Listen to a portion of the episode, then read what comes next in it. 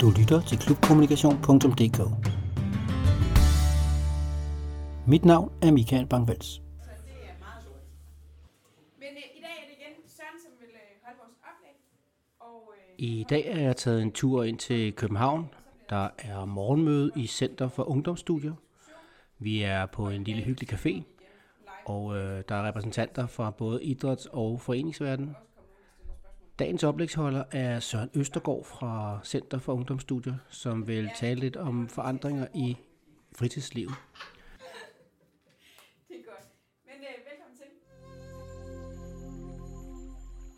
Vi kører stille og roligt ud af. Man kan sige, man kan vælge mange forskellige øh, perspektiver på det her omkring udfordringen til foreningslivet. Øh, da, jeg var, da jeg startede min foreningskarriere, øh, så startede jeg med at spille fodbold nede i Bispebjerg Boldklub. Og det gjorde jeg rigtig meget for at være sammen med mine venner. Det var også dem, der inviterede mig med. Og, øh, og hele vores, sådan, vores hverdag var egentlig bare en forlængelse af træningen nede i Bispebjerg Boldklub. Altså, der forberedte vi os til de næste kampe, når vi legede hjemme på legepladsen. Øh, og rigtig mange af dem, som jeg var sammen med hver eneste dag, det var også dem, jeg spillede fodbold med. Og så på et tidspunkt, så blev jeg bedre til at spille fodbold. Så rykkede jeg til B93, men det gjorde jeg primært fordi, at jeg mødte nogen i skolen. Jeg gik på øh, Kaptajn Jonsens skole, en privat skole. Der, kom, der, var, der var drenge fra hele, hele København, der kom der, og nogle af dem spillede der. Og det var meget det med, at man... Det var egentlig bare en forlængelse af den historie, vi også havde i skolen. Og øh, noget af det, som øh, er interessant i dag, det er jo, at hele det skift fra øh, tilstedeværelse til tideværelse, det er, at man, vi kan være sammen på nogle andre måder i dag, øh, har stor betydning for specielt rekruttering til foreningslivet. Og noget af det, vi skal kigge på i dag, det er rekruttering.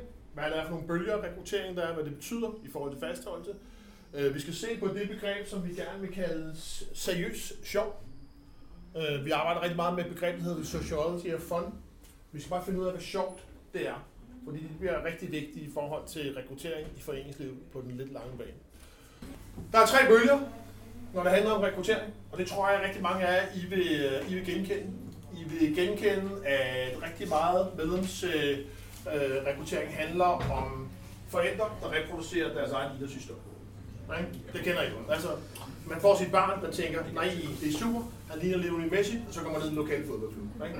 Og det gør man kun, fordi man kender Lionel Messi. Der er faktisk andre, som tænker, han ligner en kendt øh, galopjockey, så går de ned i galopklubben med, med barnet. Ikke? Så det er en, i høj grad en reproduktion. Hvor mange tror I det er?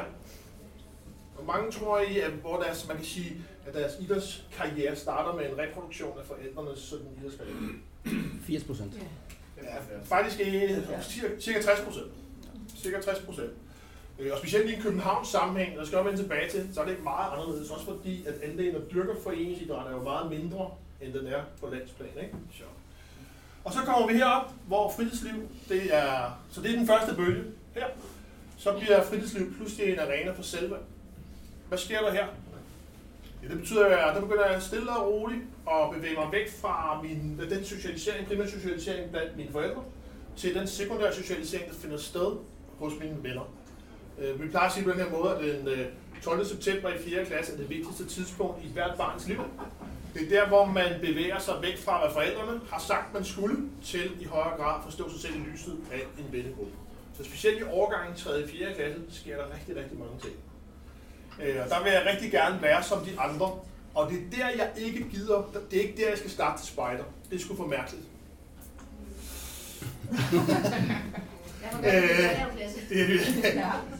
og det er egentlig, hør, der, det er faktisk lidt vigtigt, fordi her kan man sådan set få børn til at starte til de underligste ting. Okay? Og så kommer der pludselig en fase, hvor jeg helst skal ligne de andre. Og så kommer der igen hernede, så kan jeg godt begynde at starte til underlige ting igen. Fordi, altså spejder, øh, og fængler, ikke? Jeg har selv været spejder i mange år, ikke? Øh, men, men og det tror jeg det er rigtig vigtigt at sige, der er simpelthen også noget sociologi i, hvornår man sætter ind. Det er derfor, det giver så god mening, hvis man gerne vil have flere håndboldspillere, øh, så skal man helst i gang med dem, når de er heroppe.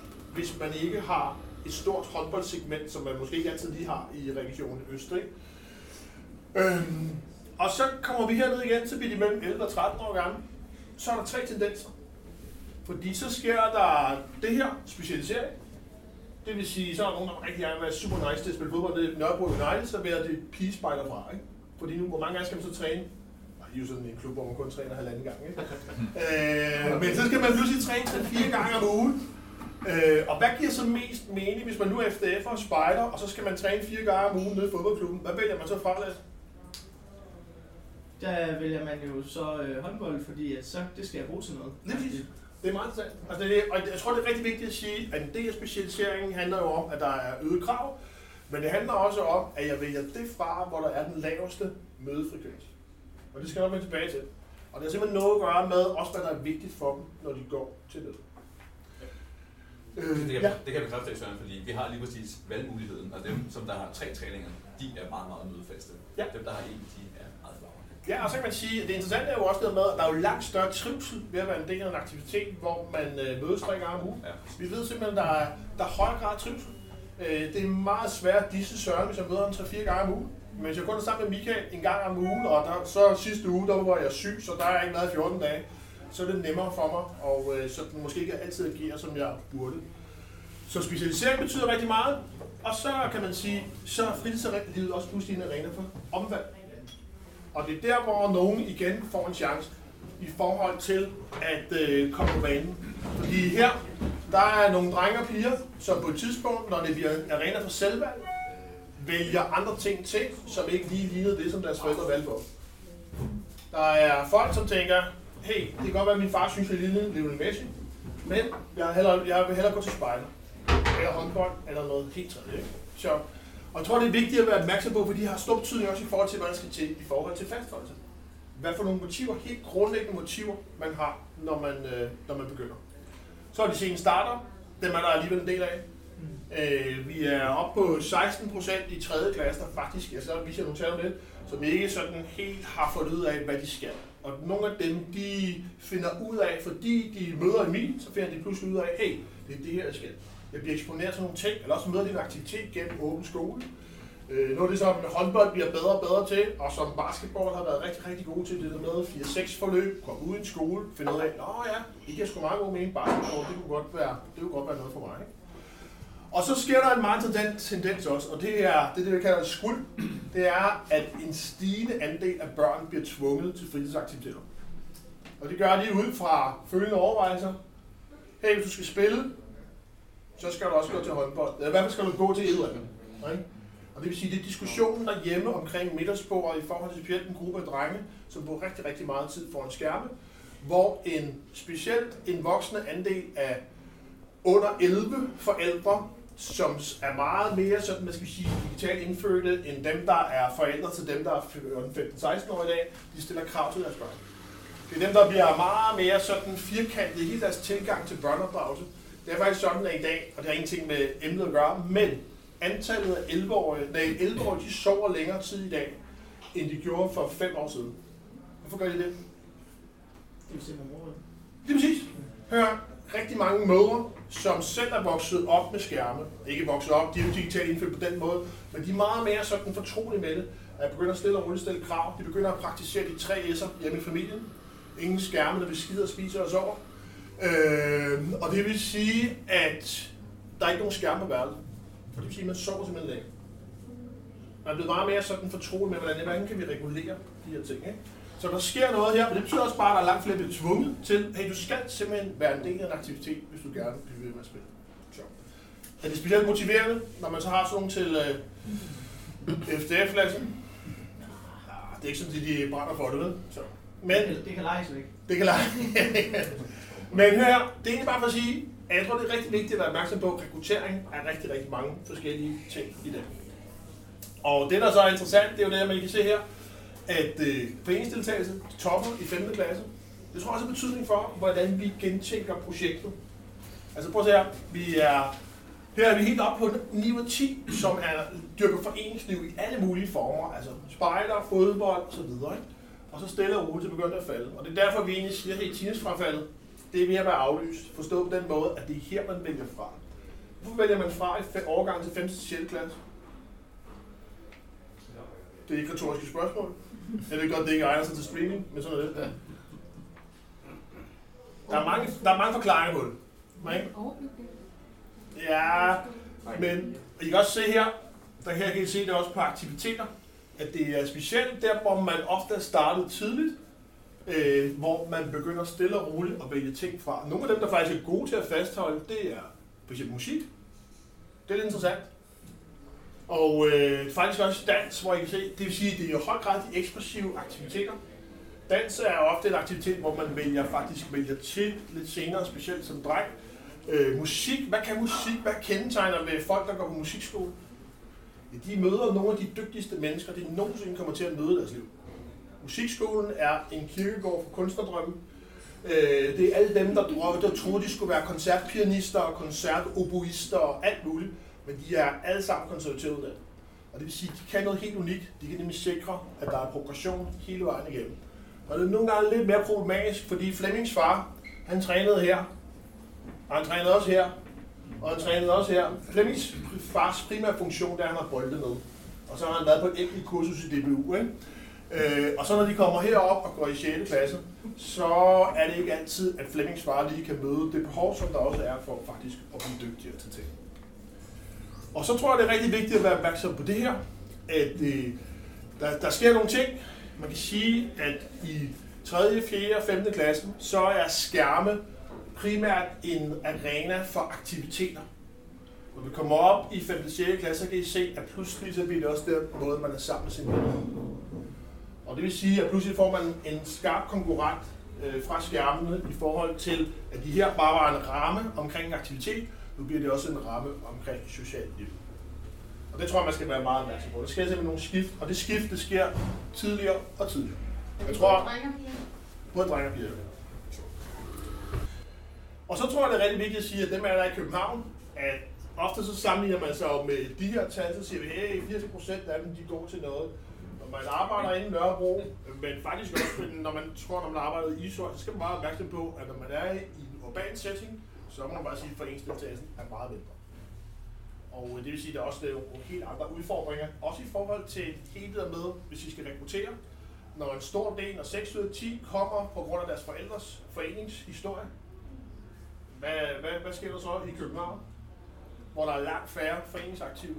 Det er en kæmpe udfordring. Så det er simpelthen nogle, også nogle, en anden ting, vi skal i forhold til at forklare, foreningsprojektet er hvis man vokser op i Galten eller Gørløse, så ved man, hvad håndbold og fodbold handler om. Det ved man ikke altid, når man vokser op i en københavnsk øh, setting.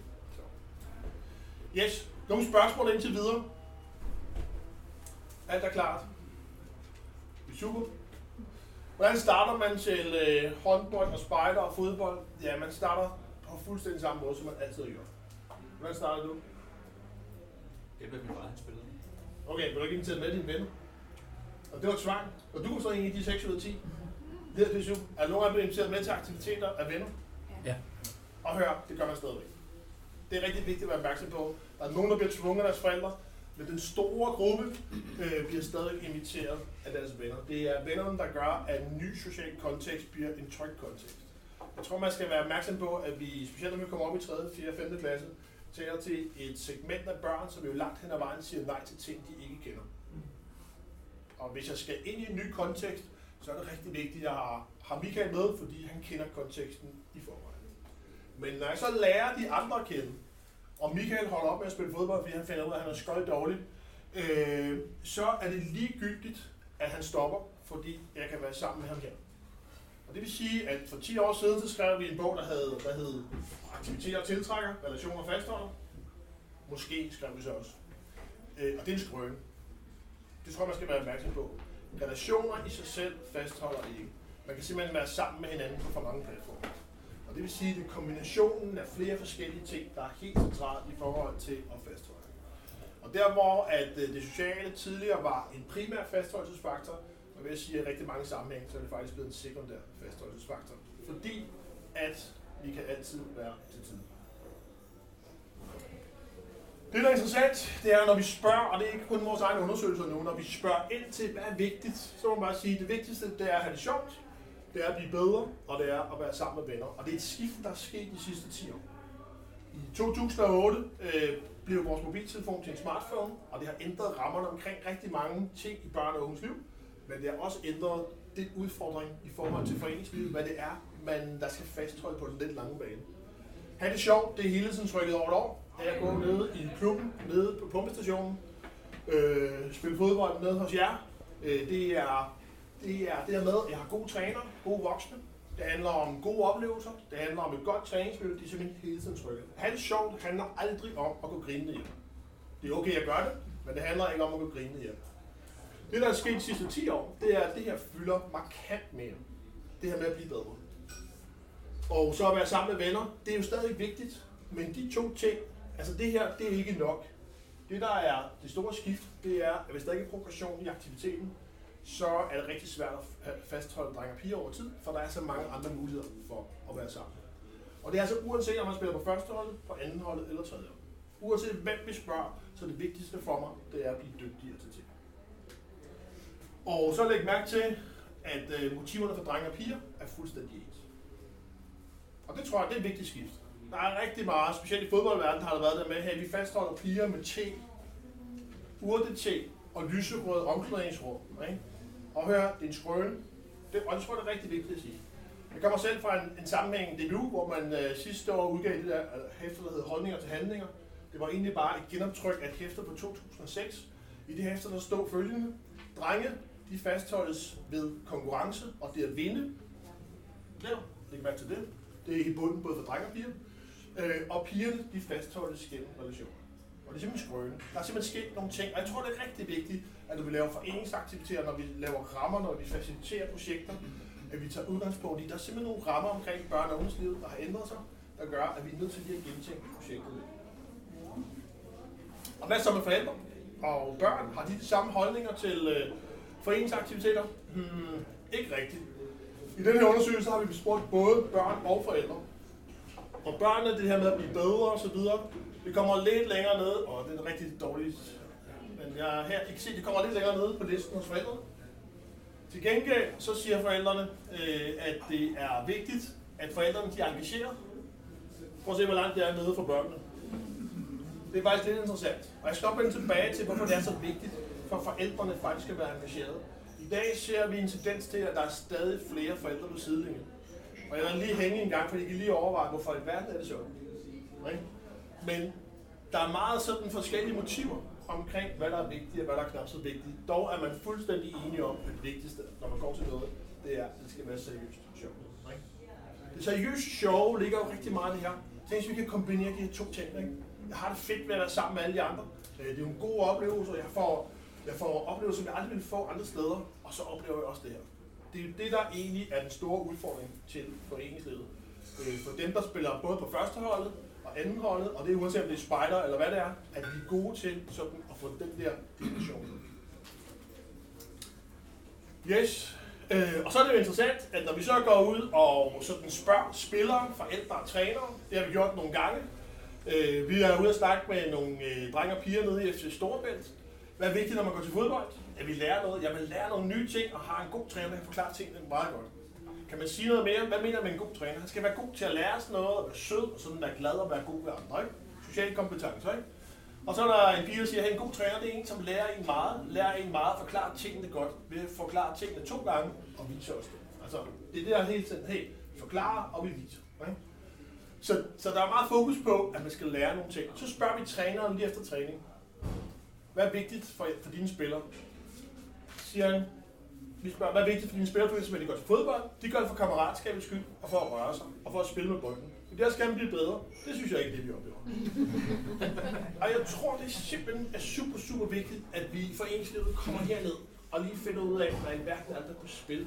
Det der med, at uanset hvem jeg er, så vil jeg rigtig gerne komme hjem, og så vil jeg gerne kunne mestre en kringle håndbold, ikke? Eller jeg vil gerne kunne mestre et nyt knop, eller et eller andet, et eller andet fedt, ikke? Øh, og jeg tror, jo mere drenge og piger vokser op i et virtuelt univers, hvor det aldrig regner, hvor der altid er 23 grader, hvor man har styr på det meste, så tror jeg, det er rigtig vigtigt, at man oplever, wow, i dag så lærte jeg noget nyt. Der fik jeg en ny kropslig kompetence. Jeg lærte et eller andet, som er en blivende skill i mit liv. Og så spørger vi også lige forældrene, lige efter træning også. Det er vigtigt for jeres børn, når de går til noget. Han har det sjovt. Det er lige meget, hvad han der. Det kunne være skak eller noget helt andet. Han snakker lige været til fodbold. Ikke? Så egentlig bare for at sige, jeg tror, det er rigtig vigtigt, at vi kommer i øjenhøjde, når vi med drenge og piger, når vi laver foreningsaktiviteter. Og det her med at blive dygtigere, det er altså uanset om du er U10, eller om du er smuttet eller tropspejder, men faktisk også når du kommer op og går i 7. og 9. klasse, og faktisk også på gymnasiet. Der er bare nogle andre ting, der, rammer sig, der ændrer sig omkring deres liv, men progressionen er stadigvæk vigtig. Så, og når vi spørger sådan, at de kommer selv et eneste kryds, så se, hvor udtalt det er at blive bedre, og have det sjovt, og være en del af holdet. Her, må de, her skal de prioritere. Vi beder dem simpelthen om at prioritere. Benhårdt. Så det her, det er helt centralt. Og det giver os nogle udfordringer. Det betyder også jo, fordi, hvad gør vi med Flemmings far, ham med boldene? Ja, på et tidspunkt så er det ikke nok. Og så tror jeg måske, vi er nødt, så er vi nødt til lige at gentænke projektet. Og måske er vi også nødt til at hjælpe hinanden med at gentænke projektet, at man for eksempel i spejder eller uniformeret arbejde er nødt til at lave projekter sammen, fordi altså, der er højere krav til kvalitet. Det samme i fodbold og håndbold, der er højere krav til kvalitet. Det samme også med altså fritidscenter for eksempel. Kan vi, kan vi, kan vi lave nogle samarbejder, ligesom man gør andre steder? Kan vi lave overbygningsforeninger? Kan vi lave overbygningsspejdergrupper osv.? Øh, fordi at krav om kvalitet, det simpelthen stiger i takt med alder. Må jeg, må jeg lige spørge, det der med at blive bedre, ikke?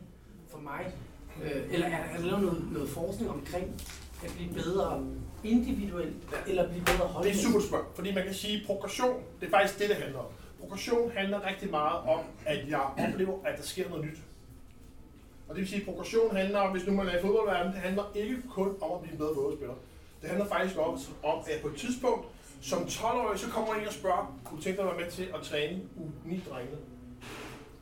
Altså, hør, hele min karriere inden for foreningslivet startede med, at der var, da jeg gik til FDF, jeg var 12 år gammel, så kom de og spurgte, kunne du tænke dig at være øh, et eller andet assistentleder i, for nogle tumling, tror jeg det hedder, ikke?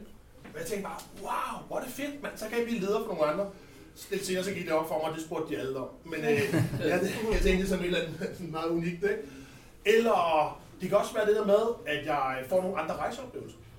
Altså det der med, at der er progression i aktiviteten, det handler ikke kun om at blive dygtig, det handler simpelthen om, at jeg oplever, wow, nu er der ny energi, nu er der ny adrenalin. Det kan være, at jeg får nogle helt andre funktioner. Vi er super dårlige til at rekruttere unge ind i lederfunktioner, fordi vi tænker, at de er for travlt. Øh, stort set alle undersøgelser viser, at det er det segment, hvor der er det største udnyttede potentiale, hvis vi bare skærer kagen Okay. Øh, hvad med forældrene? Hvorfor står de på sidelinjen? Hvorfor er der flere og flere forældre, der står på sidelinjen? Fordi I ikke ved, hvordan man skal være frivillig. Ja, det kan man sige. Det er den ene ting. Den anden ting, det er jo det der med, at det her det er den sidste fælles kendte arena for drenge og piger og deres forældre. Da jeg var dreng, så tog min far med ned i kælderen, og det der var lidt gustent. øh, men det vi lavede nede i kælderen, det var, at vi sad og vi snakkede og vi hamrede. Peter Møllers søn, når han kommer hjem fra skole, så sætter han sig på en skærm. Når gør Peter, når han kommer hjem? sidder sig på en skærm. Spiller de samme spil? Næppe.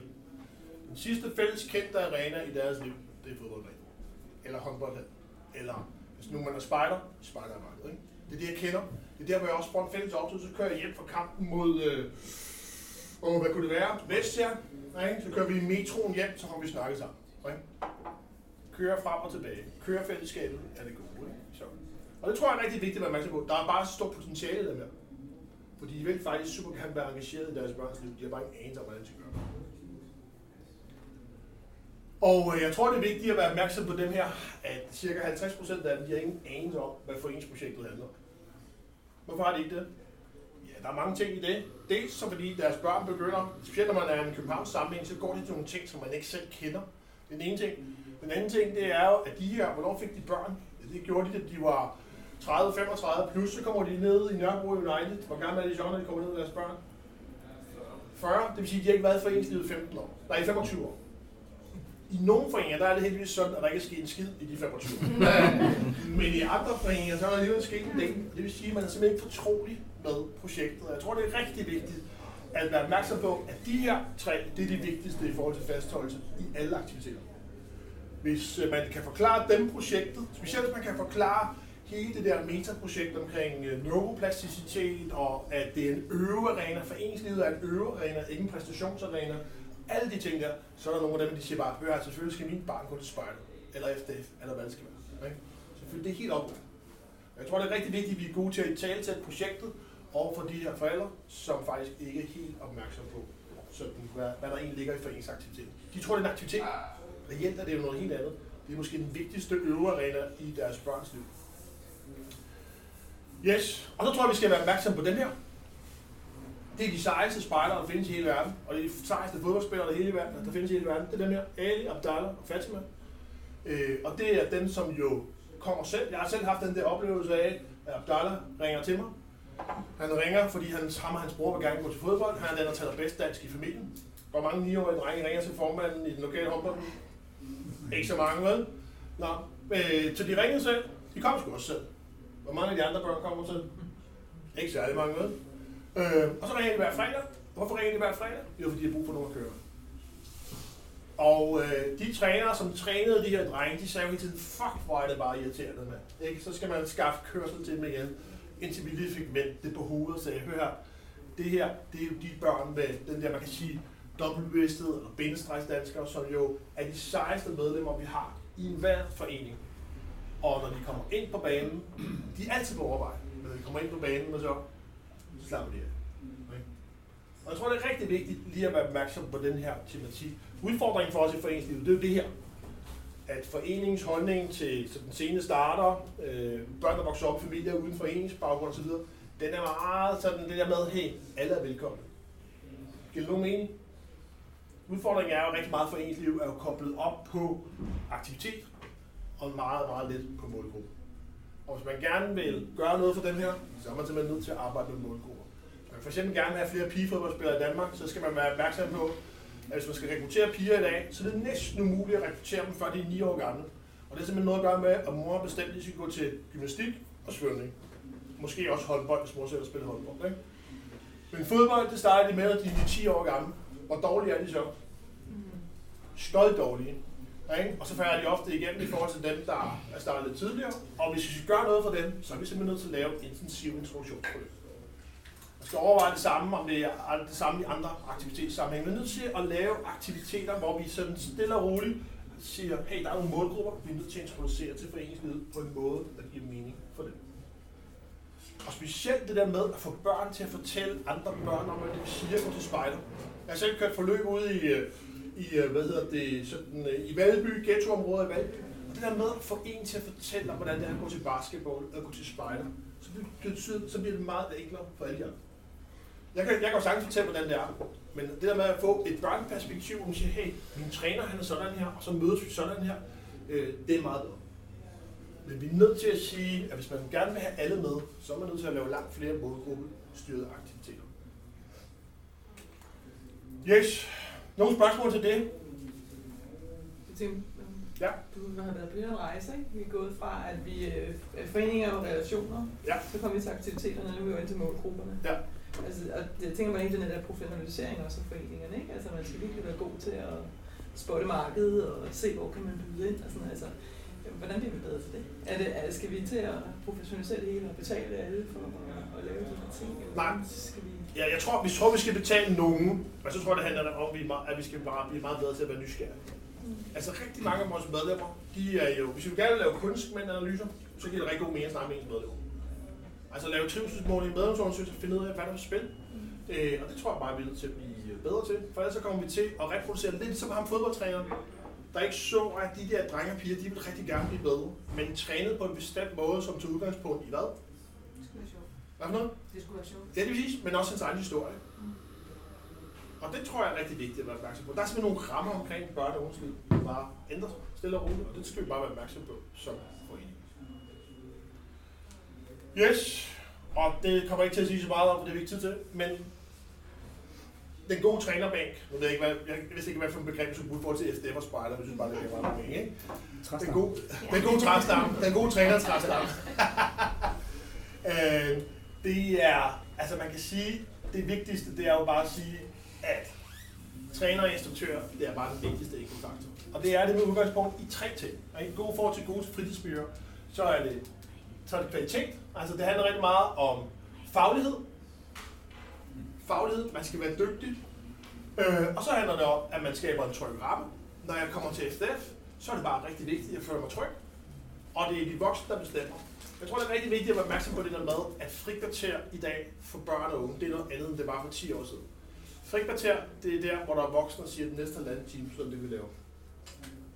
Det er en 24-7-kultur, hvor man fra starten om morgenen, så skal man tjekke, hvor mange likes man har. Det skal man også, når man går i seng, inden mor tager ens telefon.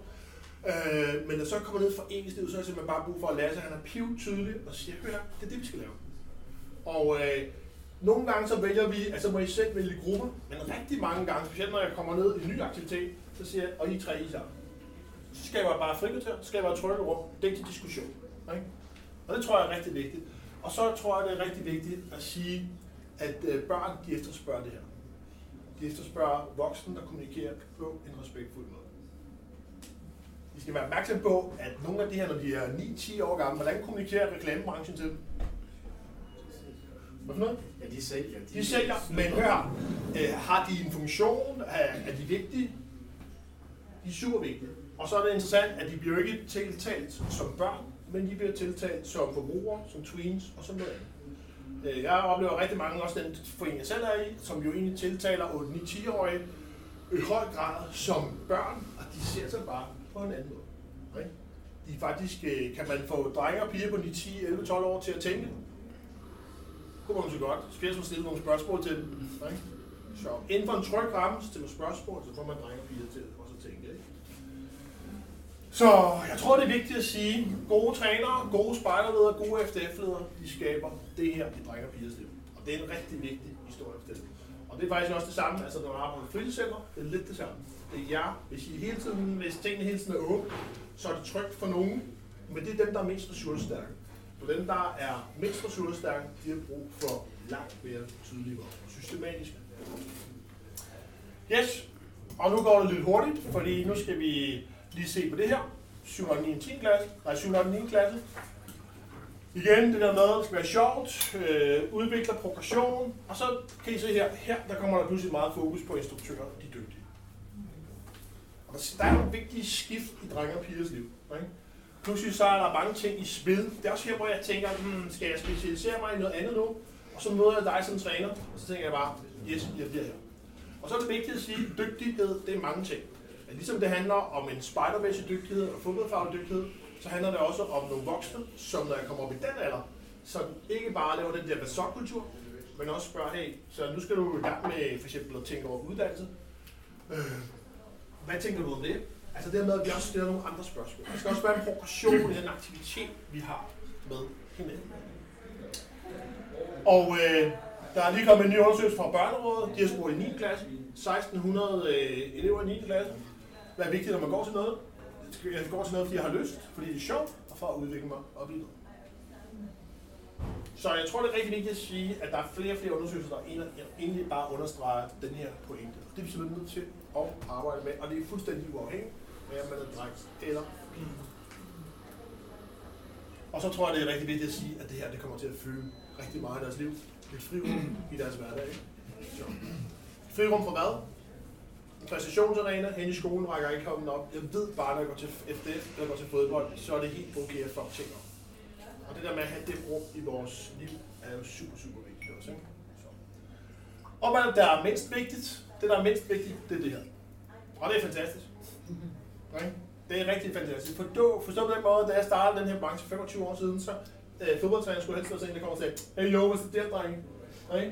Og kunne de sidste nye, sådan, øh, vidste alt det nyeste. Ikke? Sådan er det bare ikke mere. I dag, der bliver man i højere grad bedømt på sin faglighed, og det vil sige, at alder er ikke det store issue. Og det betyder også noget i forhold til rekruttering af ledere, at det her, det er, ikke, det er simpelthen ikke et issue mere. Fodboldtrænerne og spejderlederen kan være gravet op til lejligheden. og, nogle af, og nogle af dem her, de kan bare noget andet. Der er bare en robusthed i dem her. Ikke? Der skal meget til at, at slå dem om kul. Ikke? Jeg synes, ja, det har været fantastisk at snakke med nogle af de der ældre instruktører. Og så møde nogle af dem, som bliver instrueret, så bare sige, hør, bare det, at Karen på 72 findes, sender signaler om de fleste overlever. Ikke? Mm. Og det er rigtig vigtigt, når man er 12 år gammel og piger tænker, wow, mit liv er ved at falde sammen. Ikke? Så, og det vil sige specielt sådan nogle, øh, jeg tænker spejderarbejde, hvor nogle af dem går på pension, det er helt sindssygt. Ikke? Det er her, hvor de virkelig har noget også at byde ind. Og så til sidst, lige om de øh, gymnasieeleverne. Oh. Øh, der skal man være opmærksom på det her. De mister mellem 16 og 18 timer i overgangen fra 9. klasse til 1. G. På grund af det her, flere afleveringer, øh, lektiebyrden, koster penge, det skal, man skal starte til arbejde, men øh, der er måske længere transport, der er flere fester osv. Og det tror jeg bare er rigtig vigtigt at sige, hey, det er man nødt til at håndtere på en smart måde. for nogle af dem her, som vi snakker om før, i 9. klasse, så kan man sige, når man går i 7. klasse, så kan idræt, spejder stadig godt være en primær identitet. Her der er der rigtig mange af dem her, for hvem det bliver en sekundær identitet. Og der skal man virkelig tænke i, hvordan i verden for det passet ind. Specielt de første halvår, hvor jeg har overgangen fra folkeskolen til 1. G, og hvor jeg har min første eksamen i oktober måned. Der tror jeg, det er rigtig vigtigt, at vi lige tænker i, hvordan i alverden får vi løst det på en, øh, på en fornuftig måde. Ikke? Men så vil jeg lige opmærksom på, at øh, øh, andelen, der for eksempel dyrker idræt, det er jo minoritetskultur. Det er dem, der ofte dyrker idræt. 7,5 procent, 25, ja, 27 procent, der sådan på ugebasis dyrker idræt. Det er minoritetskultur på gymnasiet i dag. Hvad giver prestige, når man går på gymnasiet? Hvor meget, hvor meget tror I, idræt giver af prestige i sådan en social sammenhæng? Er det helt i toppen, eller helt i bunden? Helt i bunden. Det er helt i bunden. Ikke? Og det er uanset hvilket niveau du dyrker på. Det er meget interessant. Fordi det, der giver, det, der giver prestige, hvad er det? Det er at være social. Det er at være socialt engageret og alle de andre ting. Ikke? Og det kræver bare, at jeg er der. Og så vil du have, at jeg skal træne fire gange om ugen. Ikke? Og der er det virkelig vigtigt.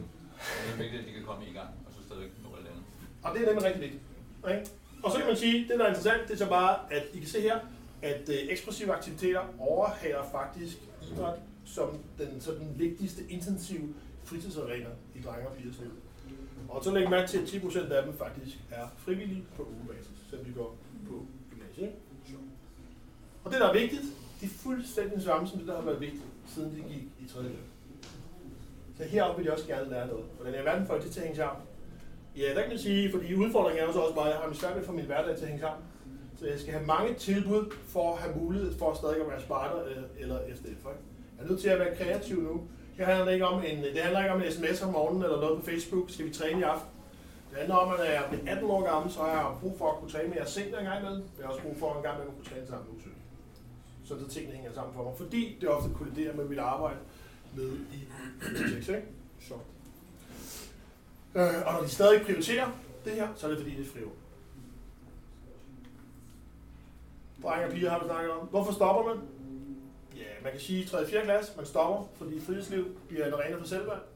Ikke? Fordi man øh, øh, godt ligner Messi, men ikke spiller som Messi. Øh, det her med trænere, instruktører, der ikke behandler en med respekt. Man bliver stadig behandlet som barn, selvom man faktisk 11 år gammel øh, måske orienterer sig på en anden måde. Og så sker der det der meget interessant, at mødefrekvensen er for lav. Og det er meget interessant, fordi hvad er sammenhængen mellem mødefrekvens og proportion? Der er en klar sammenhæng, og det vil sige, at der er specielt nogle, hvor man sådan, nogle foreningsaktiviteter, hvor man har haft en kultur omkring, for eksempel kun at mødes en gang om ugen, at der er man udfordret med det her. Det er spejdervej, men det er faktisk også svømning, gymnastik osv. Øh, kvaliteten ikke er god nok, og er man ikke god nok i overgangen fra børne til ungdomsidræt, det er specielt et idrætsfænomen, når man går fra femmandsfodbold til ottemandsfodbold. Helt klassisk, så kan man sige, at det der sker, det er, at her, når man spiller femmandsfodbold, bare for at illustrere det, så er der lige fordeling med, når man er født på året. Når man går og spiller ottemandsfodbold, så er to tredjedel født i første halvår. Det er meget interessant. Og det vil sige, at det man kalder Matthäus-effekten slår fuldstændig igennem inden for rigtig meget holdidræt. Så. Og så når man kommer herop, blandt de 13 til 18-årige, så tror jeg, man skal være vigtig på at sige, hey, det handler rigtig meget. Altså, der er meget få, der bliver, der dropper spejder eller fodbold, de synes, det er træls. Når de er heroppe, så har det været en del af deres liv så lang tid, så det er meget, de har valgt det fra, så de synes, det var træls. Her handler de om tid. Og det er derfor, vi er nødt til at hjælpe dem med at finde tid. Fordi hvis vi kan fastholde dem i tre år, de, de mest de hektiske tre år i deres liv, så, må man sige, så er der faktisk en stor chance for, at de bliver ved med at spille fodbold. Så det handler om at fastholde dem i sammenhæng og finde konstruktive løsninger på det. Øh, mange progression, øh, fællesskaber, der smuldrer, fordi det pludselig bliver småt det hele. Ikke? Og så tror jeg, det er vigtigt at sige, at det her, øh, at erhvervsarbejde ikke er til forhandling, det er simpelthen det vigtigste. Det er den vigtigste fritidsaktivitet for dem, det er erhvervsarbejde. Det er der fylder allermest. Og det skal I helst ikke konkurrere med. Ikke alt for meget. Men nogle af jer skal måske finde nogle jobs til dem, hvis I er i foreningslivet. Ikke? Og så den sidste ting, det er det her med øh, forældre, nej undskyld, øh, trænere og ledere, der ikke, ikke kan se altså, den store, det store skift, det er at gå fra at gå i folkeskolen, hvor man kan have tid til det hele, og det har man, til pludselig at være en helt anden setting, hvor at den der fritidsaktivitet, det sekundære sekundær identitet, for min primære identitet, det er på gymnasiet. Yes. Sidst, hvad kendetegner en god forening? Det her, at man kan udfolde projektet, at man på trods af alle interviews med Niklas Spindler, øh, kan fortælle historier, når man bliver klogere af at spille fodbold øh, at, man, øh, at, øh, at det at være foreningsaktiv giver kompetencer langt ud over foreningslivet. Det er jo rigtig meget tid på at udfolde, men det er super, super vigtigt at sige, den transferværdi, der er mellem at dyrke fodbold, gå til spejder, og så resten af deres liv. Og det tror jeg er rigtig vigtigt, at vi er gode til at fortælle dem øh, fortælle om. Ikke? Jeg tror, det er rigtig vigtigt at kommunikere med mødre. Det skal ikke blive super kønnet, men det er bare sådan, det er. Øh, sagde jeg det. Øh, man skal i hvert fald kunne- være god til at kommunikere med forældre og fortælle om det her. Ikke? Neuroplasticitet, robusthed, livsmestringer, alt det andet crap. Hvis man er god til at fortælle en historie, så er der langt, øh, så er der rigtig mange forældre, som egentlig er parat til at gå en lang for og fastholde dem i nede i fritidsklubben, hvis de bare kan fortælle om, hvad det er, vi gør. Hvis det bare bliver en aktivitet, så får de lov til at skifte ned til fitnesscenteret. Hvis det er noget, der gør dem klar til resten af deres liv, så er vi i højere grad klar til os at sige til vores børn, at de skal blive med at gå. Og så er det de foreninger, der har en rød tråd. Det vil sige, at vi ved godt, hvad det er for nogle overgange der er. Vi ved godt, hvornår vi udfordrer. Vi ved godt, det går super nice, når de går i anden, tredje klasse, og så når de kommer op i 5. klasse, så er vi nødt til at sætte ind med en ny kvalitet. Noget af det, som vi har arbejdet med for eksempel fritidscentrene. Ikke? Øh, når vi så kommer op i, i overgangsgymnasiet, så er det igen det er en, ny, det er en, en ny fase i deres liv. Vi er nødt til at tænke livsfaser ind, når vi arbejder Yes. Og øh, det er et begreb, som jeg tror, der er rigtig vigtigt, det er at sige, hey, vi skal være seriøst sjove. Da jeg voksede op, så var det seriøst sjov. Hvad betyder det? Det var sådan lidt pendulord, ikke? Men det skal være seriøst sjovt. Det skal være sjovt. Jeg, selv, jeg, jeg går til spejder, fordi jeg synes, det er sjovt. Jeg går ikke til spejder for at lære noget. Men jeg vil faktisk, det skal ikke primært være for at lære noget. Ikke? Det skal ikke være primært for at blive dygtig i skolen. Det skal ikke være et instrument. Men jeg vil også gerne opleve, at det er sjove, det seriøse, det vil sige, at jeg oplever progression. Og når jeg går hjem fra spejder, så vil jeg gerne kunne en ny knop, eller en ny måde at navigere på, eller have været en diskussion, hvor jeg er blevet udfordret. Og lidt det samme i jeres sammenhæng. Yes, Jeg synes jo, øh, at øh, det, jeg synes, der er lidt svært, du snakker om øvearena Ja. og præstationsarena. Ja. Og jeg giver dig helt ret i den der præstationsarena. Skolen er blevet meget præstationsarena. Men jeg ser jo også den præstationsarena ryge over i øvearenaen, eller, eller altså til, til, til, for eksempel til fodboldtræningen, ikke? af forældrene. Øhm, og samtidig med, så vil børnene jo gerne blive bedre. Altså, så hvordan får man lavet den øvearena god nok, så det der med at blive bedre kommer, bliver synliggjort eller kommer bedre? Men forstår du, hvad jeg Ja, Det sige- bliver for let.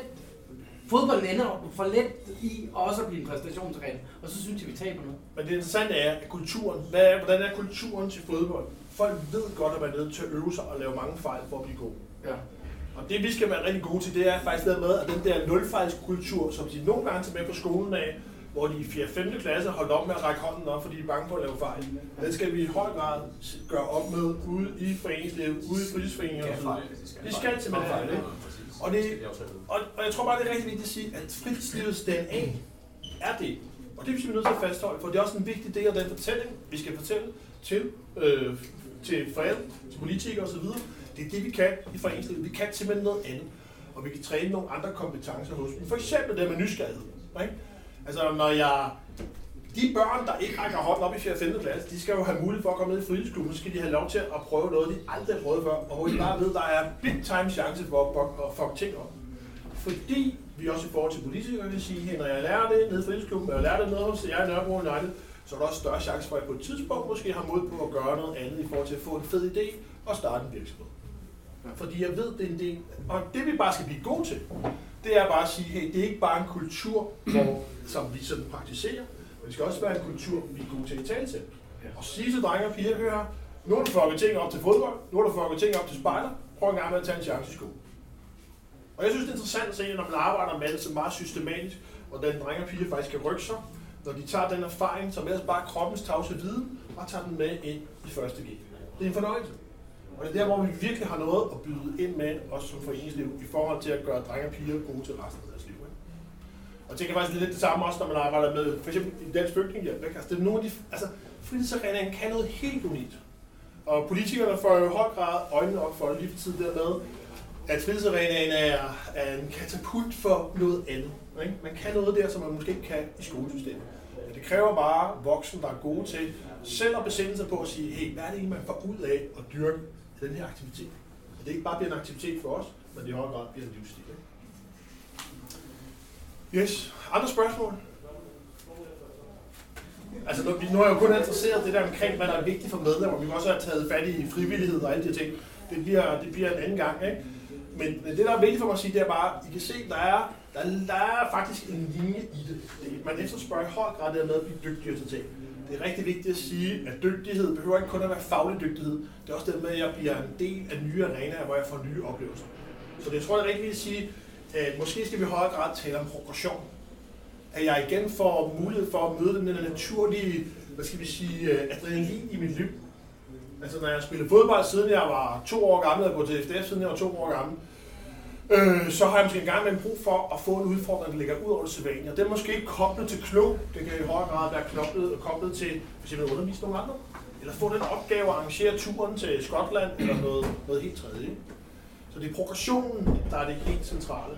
Men det er faktisk, uanset om man er 6 år eller 16 år, så er det faktisk det med at blive dygtigere, der stadig er øh, det vigtigste. Også fordi, når jeg går på gymnasiet, man kan sige, at vi er, de, vi er sammen med hinanden i skolen, og så er vi sammen med hinanden til festerne, og resten af kommunikationen, den foregår her. Og det vil sige, at det, øh, og selv en fodboldaktivitet, det er fedt at komme og være sammen med gutterne, men, men i, i længden, så er det ikke det, der kan fastholde. Fordi der er nogle andre vigtige arenaer i mit liv også. Ikke? Yes. Jeg synes jo noget af det, jeg lægger mærke til, Søren, det er jo, at øh, alt det, du har sagt, er jo super godt. Og så går man hjem i klubberne, i bestyrelserne og i foreningerne, og så bliver man enige om, det er de her målgrupper, og det er det her, vi vil, og vi skal sammenholde og alt det her. Men når jeg så sidder og kigger rundt på de forskellige klubbers hjemmesider og foreninger, så er det kampreferater, der fylder 9 ud af 10 opslag. Øh, nu var dem ude at spille, og vi slog dem, øh, vi slog Vestia 10-0. Det er ikke så meget det andet. Altså, jeg tror også, man skal have en snak i klubberne om, at øh, hvis vi har vores fundament i orden, jamen hvordan får vi så også det her kommunikeret ud? Også til den der forældre, der kommer og er frivillige. For det er jo ham, der skriver, at ah, vi bankede dem der 10-0, ikke? Så man får den snak i klubberne om, at det vi gerne vil på det strategiske, at det er også det, vi gør i dagligdagen. Fordi det er kampreferater, kampreferater, kampreferater. Øh, jeg ser i hvert fald ude i, i foreningslivet. Ikke? Og man kan sige, at de værdier, man øh, gerne vil have ud at leve blandt børn og unge, det er de værdier, man øh, modellerer i personalerummet, i fritidsklubben, i bestyrelseslokalet, i Nørrebro United osv. Jeg tror, det er rigtig vigtigt at sige, at det er stærke kulturer, så hvis man vil ændre de kulturer, så er det nok ikke kulturer, man ændrer ned på uge 7, 7 årgange, som jo bare modellerer efter, hvad de gør på uge 10. Netop. Men så er vi bare nødt til at have nogle ledere, der sådan er meget bevidste omkring, omkring, der er simpelthen nogle andre ting, der er på spil i børn og unges liv, end der var dengang jeg var, øh, selv var barn, og det må vi måske tage bestik af, og så ændre nogle praksis. Men det er jo ikke enkelt. Det er jo stærke kultur, man er op imod, ikke? Så. Yes? Jeg har lyst til at knytte en kommentar på det, fordi jeg nu føler nu, at de hold, der er blevet lidt ældre, også i Nørrebro og så ved jeg, hvis de er ude til stævner eller et eller andet, så, så kommer der postninger hver eneste gang, de, de scorer eller vinder og sådan noget. Og lige pludselig, hvis jeg ikke hører nogen poster, ja, så ved jeg godt, hvis jeg spørger om det, hvordan gik det? Ah, så, altså, og, det, og det er den, jeg synes, vi kæmper med, eller jeg kæmper med i jeg kæmper med i Norge. Altså, vi er så store, vi bliver nødt til at have nogle forældretræner og sådan noget, men den der præstationskultur er svært at arbejde med med dem. Men jeg vil bare sige, det interessante er jo, at for de fleste, så er det en ureflekteret kultur, de går ind og er en del af. Mm. Hvis man har en snak omkring det, så kan de faktisk godt se det. Lad mig bare give et godt eksempel. Det er jo det der med, at når forældre siger til deres børn, hør spark godt så godt du kan. Og når man så snakker med forældre om at sige, hør her, det er jo et lorteprojekt, for det bliver jeg aldrig færdig med. øh, den der, og man gør det jo i den bedste mening. Rigtig meget bliver jo gjort i den bedste mening. Mm. Men der skal faktisk ikke så meget til, for man faktisk godt kan ændre en tilgang. Det kræver meget, at diskutere. Og det er derfor, jeg siger, at rigtig mange af de her ting, de uh, begynder faktisk i bestyrelseslokalet. Hvor vi siger, hey, når vi har kampreferater, for eksempel, så skriver vi aldrig, hvem der scorede. Fordi hvad med den, der havde tredje fod på, inden, uh, inden der blev scoret osv., ikke? Det, vi gør det på, at vi har i højere grad betoning af fællesskab. Og det har jo noget at gøre med, at vi jo egentlig tror på, at fællesskabet kan noget i drenge og pigers liv. Så det er det, vi har fokus på. Ikke? Og når man sådan snakker med forældre omkring det, når man så siger til dem, hør her, lige nu så har vi en diskurs, hvor at, øh, du skal være robust, og du skal være robust, og du skal være robust. Men vi vil faktisk gerne lave fællesskaber, hvor vi laver trygge rammer, og så gør vi drenge og piger robuste som en del af et fællesskab. Og det er derfor, vi kommunikerer på den måde, som vi, som vi gør. Det handler ikke om, at vi ikke tager individualiseringen alvorligt, men vi vil gerne have, vi vil gerne øh, sådan egentlig, hvad skal vi sige, møde det der med, at de er kollektivt orienterede individualister. De har, der er rigtig mange ting på deres spil i deres liv, men de har brug for en gruppe til at forstå sig selv i lyset. Og det vil vi gerne betone, og derfor betoner vi ikke, at det var Nadja, der scorede, eller hvem var der scorede. Vi, øh, vi, vi betoner det, vi gjorde som fællesskab. Men det var rigtig meget tilsættelsen, fordi var det sjovt, så, så er resultatet jo ligegyldigt. Eller lærte holdet noget i dag. Altså, Men hvis jeg bare sådan lige vil i en kommentar til, du siger, altså jeg synes jo ikke, man skal fjerne det der, at den 17-årige har lyst til at skrive et eller andet, men det er jo inde i holdets gruppe, hvis man nu tager Facebook. Ja, ja. Der synes jeg bare, at klubben skal sige, for eksempel på klubsiden, så skal man sige, det var fedt at se, at vores U17-hold, som jo for øvrigt har været her i så så mange år, og de er 20 til træning, og så kan man så nævne, og for øvrigt, så var de ude at spille i weekenden og vandt 10-0 eller 5-0, Ja, ja, ja. eller 1-0, det er jo lige meget. Ja. Men hvor de jo starter med at skrive, at vi vandt 5-0, og den er den scorede. Ikke? Ja, ja. Hvis man så på klubplan siger, okay, vi skal ikke bare tage det der referat og videredele det, øh, der har vi nogle andre øh, indgang til det. Eller man går ud og interviewer med sin telefon. Ja. Øh, Ibrahim der, du har været herude, og du spiller U17, ikke? og I vandt øh, 5-0, men hvorfor er det egentlig, du spiller? Altså, find de der historier på klubniveau. Så lad alt det der være nede på holdniveau. Det tror jeg ikke, man skal dræbe. Og det er jo også mange gange lukkede grupper, ikke? Altså, Ja, og så vil jeg sige, at noget af det, som er vigtigt også derfra, det er det der med, at det, der var lavest, og det er faktisk i alle undersøgelser, det er jo det med, det, vigtigste, det der er mindst vigtigt, det er at vinde. Og Ja. det er der, hvor vi nogle gange som forældre, kommer, altså som voksne, kommer til at bare sådan helt reprodu- reproducere en kultur omkring, der er fokus på det. Det er noget helt andet. Også når vi spørger sådan, øh, for eksempel ind til, det har jeg ikke taget med i dag, men forældreadfærd. Børn, de hader jo forældre, der står og råber og skriger. Altså, det er nogle af de ting, som vi er nødt til at få, få i tale sat. Så bare at sige, hey, jeres børn, de vil primært blive dygtigere. Man kan faktisk godt blive dygtigere til spider, selvom man ikke vinder lurløbet. Eller hvad man nu er med i, ikke? øh, eller fordi man ikke vinder den der kamp i række 2. Der er ting, man godt kan blive dygtigere til, ikke? Og der er ting, vi kan blive dygtigere til som fællesskab. Så det er udviklingen, det er progressionen, der er det vigtige. Yes, andre spørgsmål? Ja, Søren? Altså, du har fuldstændig ret, og det, tak. jeg, føler, jeg, bliver, jeg bliver lidt provokeret, ikke? Altså, vi havde fire børn med til OL. Vi kom hjem med fem guldmedaljer og en sølvmedalje. Og vi var fuldstændig uforberedt. Vi havde ikke trænet noget som helst. Og børnene har haft en skide god oplevelse ud af det. Du nævner, altså man kan jo ikke gå på fodboldbanen og sige, okay, det er lige meget, om vi vinder eller taber guld. Overhovedet. Men man kan jo sige, altså, det der kommer outputtet, det bliver jo de, det eller det hold vandt 4-1 eller dum, dum, dum. Ja. Ja. Men det, og, og det er jo det, der kommer frem i medierne og på hjemmesiden. Mm. Men den gode proces ligger jo implicit, og den bliver jo ikke ofte, den bliver jo meget sjældent synliggjort. Nej. Men den findes jo. Men hvis Altså, du laver 10 historier, og de fire af dem er, er om, at I fik guldmedaljer, så har du seks andre historier, der fortæller, øh, sådan øh, forberedt vi os, inden vi tog afsted. Sådan her var vi under turen. Vi havde også noget socialt. Vi spillede brætspil. Øh, øh, der kom nogle nye venskaber. Vi lærte også dem fra nogle andre lande at kende. Øh, så har du seks historier, som jeg kalder, der understøtter det, du vil. Og så har du selvfølgelig de fire, hvor man skal være stolte, og yes, vi vandt, ikke? Men hvis man kun laver de fire historier, eller laver 10, der hedder, øh, vi banker de andre, vi er skide gode, ikke? Altså, Og så er det, det, det, det, er frem at til. sige, at det er det her, der er det vigtige. Det er der med, vi starter, når vi kommer tidligt Som ledelse har vi en plan for, hvordan vi gør tingene. Fordi det der fokus på nuet kan blive dræbende i forhold til at fastholde drenge og piger på den lidt lange bane. Og det er derfor, det er rigtig vigtigt at sige, hey, hvis man skal det her i foreningslivet, så må man bare sige, hvis man, øh, så kommer der en anden psykopat ind, så tager vi Michael som eksempel, ikke? og han skal, hans, hans øh, hold, de skal have træningsdragter alle sammen, og de skal jo til månen på, til stævne på månen Mm. og sådan noget, ikke? Og så er han ude to år efter, fordi så gider hans søn eller datter ikke spille fodbold mere. Og så kommer den næste træner og siger, nu skal vi til Måløv, til stævne i Måløv. Fuck man, vi var på månen sidste år, det gider vi ikke mere. Altså, det der og det er derfor, det er så vigtigt at sige, hey, vi har en plan omkring, hvordan vi gør ting. Det, det er vigtigt at sige. Det er derfor, vi også kommunikerer på en bestemt måde. Vi betoner faktisk, at her der er et fællesskab, øh, som kan nogle ting sammen. Vi har ikke så meget brug for at betone enkelte individer, fordi uanset om det er spejder, eller fodbold, eller hvad det er, så er det rigtig vanskeligt at klare sig alene. Ikke? Man skal faktisk øh, være ude på banen, når man starter en kamp, eller man skal Ikke? Ja. Så, og, og, og det er derfor, det er så vigtigt med, øh, med ledelser, der tør det her, systematik og retning sådan så det ikke bliver enkelte personer. Fordi, man må man sige, det tager lang tid at bygge kultur men det tager også, det tager tænkning virkelig og skabe den kontinuitet, altså øh, kontinuitet og kvalitet, der gør, at drenge og piger tænker, wow, det er super, når jeg er 9 år gammel, men det er også super, når jeg er 13 år gammel, og når jeg er 17 år gammel. Men det handler rigtig meget om sådan som os, at vi har tænkt i at få skabt nogle ordentlige rammer, sådan så vi ikke lader psykopaten tage dem til månen, men tager dem til måle, når de er 11. Og så kan han tage dem til Holland, når de er 13, og til Spanien, når de er 15, og tage dem til Afrika, og de er 17. Ikke? Fordi der er progression i det, vi laver. Hvis man tænker over det, vi gør. Det er fuldstændig samme inden for jeres branche også. Ikke? Hvis I brænder alt krudtet af med det samme i 4. klasse, hvad så? Ikke? så kan vi lave lidt det samme i 5. klasse, og det er lidt nogle gange udfordringer, for eksempel i- inden for fritids, fritidssektoren. Søren, vi skal til at runde af. Ja, det kan vi sagtens gøre. Tak for i dag. Er der, er der, nogen, øh, er der et sidste spørgsmål? Det er også dem, der får lov til at stå. Nogen, har et klogt spørgsmål. Ja, Jeg var lidt nysgerrig på det med det målgruppestyret, altså hvordan man kan arbejde med det, eller sådan. Ja, det nævnte du tidligere. Det Ja. var en vigtig måde at arbejde på. Ja, man kan sige, det er det der med, at vi egentlig skaber rum for, at når vi kommer op der, og det bliver en arena for selvvalg, og vi har sene starter, og vi har børn, der ikke har nogen foreningshistorie, og mor og far, de fatter ikke en meter, at vi simpelthen er gode til at sige, hvad er der for nogle aktiviteter, vi kan tilbyde der. Altså jeg kommer selv fra en sammenhæng, hvor vi har sådan et bootcamp-forløb, hvor vi sådan arbejder med hurtigt at få nogle piger til lige at fatte det mest grundlæggende, sådan så de kan være en del af fodbold.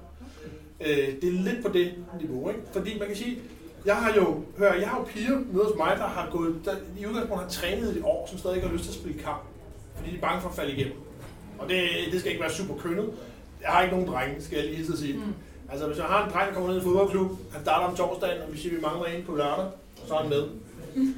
Men det er der rigtig mange piger, ja. Og der er der meget kultur i det, og jeg tror bare, man skal tage alvorligt og sige, at vi er nødt til at lave nogle gode introduktionsforløb til, hvad foreningslivet er. Jeg er nødt til at forklare, nu kommer Moram øh, og spillede med mig sammen forleden, og jeg er nødt til at tage fat i hendes far og forklare øh, Morams far, hvad det egentlig betyder at være en del af forenings, øh, foreningstilbud. Så der er bare nogle Øh, der er bare nogle andre ting, som også er på spil, som er nødt til at sige, der er vi nødt til at arbejde med. Det der mere med, at vi er nødt til at være lidt mere målgruppestyret. Ikke? Dem, der, så lad os slutte af med det. Og lige nu så er det sådan, at dem, der begynder sidst, de slutter først. Og der tænker jeg, at vi har en kæmpe udfordring i at prøve at se, om vi kan vende det op. Så dem, der faktisk har så mod, meget mod på, at de som 11-årige, selvom alting vender forkert, og de er pivringe, så er de nu kommet med i håndboldklubben. Dem tror jeg bare, at vi er nødt til på en eller anden måde at anerkende og finde en ramme, der gør, at de også bare i løbet af meget, meget kort tid ikke bliver den afgørende forskel i forhold til, at vi taber. Det er faktisk for rigtig mange af dem, så er det succeskriteriet.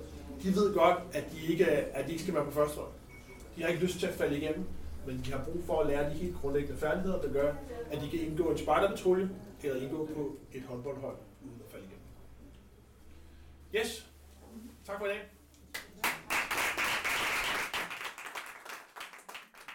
Du har lyttet til klubkommunikation.dk. Mit navn er Michael Bangvels.